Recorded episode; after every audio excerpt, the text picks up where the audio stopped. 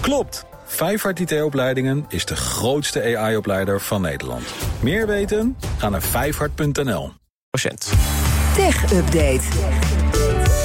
Met vandaag tech-redacteur Joe van Buurik, maar op afstand. Want Joe, niet in de studio. Waar ben jij? Mm Hey, Lisbeth en Kees. Nou, bij Netflix.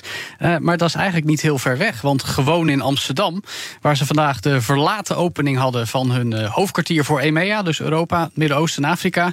Gewoon een kantoor, wel een fors kantoor aan de Karperstraat. Dat hebben ze al twee jaar in gebruik genomen. Maar uh, er kwamen even wat dingen tussen, zal ik maar zeggen. Een pandemie. Hmm. En vorig jaar ging het ook niet zo goed met, met Netflix. Dus daarom doen ze het nu nog alsnog eigenlijk. Een openingsfeestje. Ja, ja, en het is ook voor de goede orde. Daarmee wordt ook wel duidelijk dat dit niet zomaar een brievenbus BV is. Hoewel naar verluid ze wel minder belasting betalen omdat Amsterdam de hoofdvestiging is. Maar er zitten wel honderden medewerkers. Er zitten nog tien kantoren uh, in allerlei landen in dit deel van de wereld. Uh, en, dat is ook interessant, volgens uh, hoofd van content voor deze regio, Larry Tans, zitten de meeste abonnees van Netflix in deze regio van de 231 miljoen tegenwoordig. Dus we tellen mee in dit deel van de Oké, okay. en was er ook nog nieuws op de receptie? Nou, in elk geval komen er wat nieuwe Nederlandse producties aan. Comedies, onder meer The Bachelor. Een uh, serie ja, bedoeld voor mensen als mij, denk ik. Jonge, jonge vader die bijna gaat trouwen. Oké. Okay. Uh, en uh, iets, een, een soort spin-off, of nee, ik moet zeggen een spoof van Bad Boys. Die heet Bad Boas.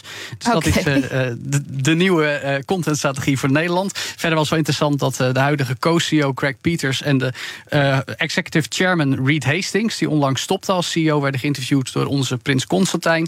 Dat was eigenlijk vooral een lofzang over hoe belangrijk Amsterdam voor ze is. Maar ook wel over hoe ze nou keuzes maken. Er zijn soms wel series ja, die geen nieuw seizoen krijgen. Mm -hmm. uh, en dat ze zeggen, ja, we willen toch uh, dat soort makers beter gaan on ondersteunen.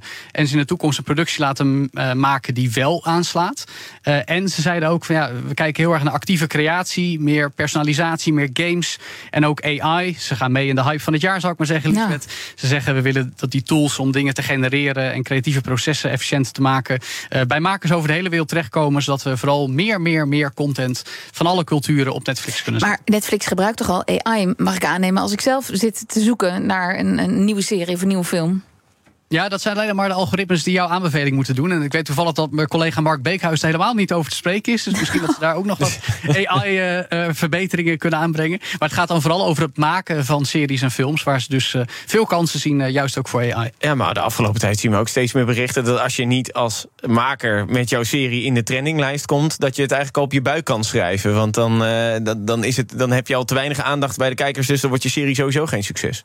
Nou ja, dat is een beetje het punt. Dat ze dus zeggen van nou, we zien dat series uh, uh, niet aanslaan. En, en ze spraken in ieder geval, uh, nou niet heel uitgebreid, maar wel met een, met een paar zinnen aan.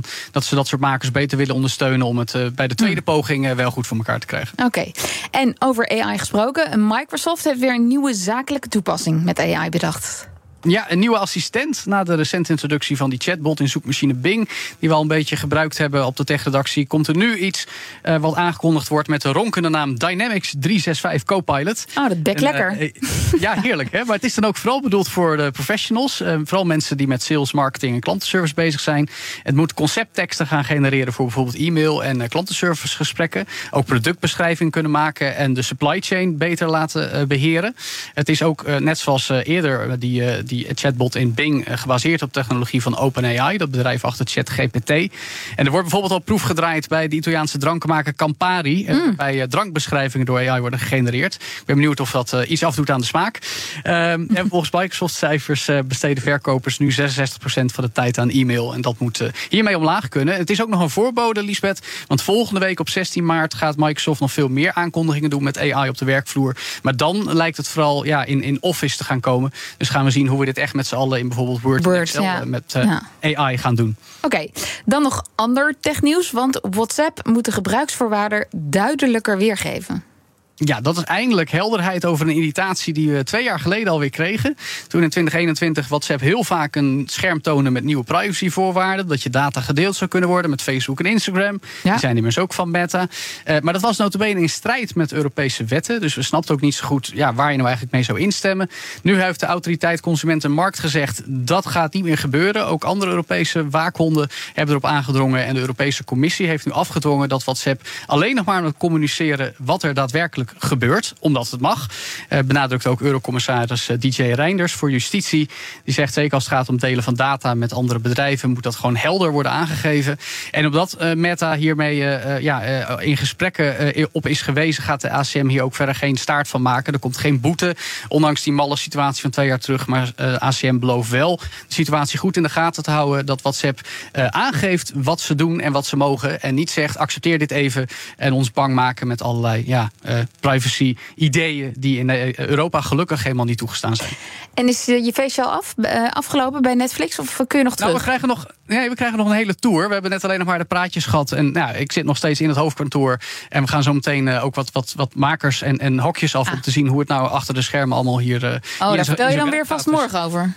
Nou ja, ik eh, ben uh, eind van de, van de uitzending van de Daily Move ook nog bij jou te horen. Dus dan uh, kan ik nog wel even verslag uitbrengen. Dankjewel, Joe van Buurik. De BNR Tech Update wordt mede mogelijk gemaakt door Lenklen. Lenklen. Betrokken expertise, gedreven resultaat.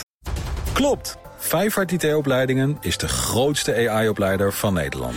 Meer weten? Ga naar vijfhart.nl.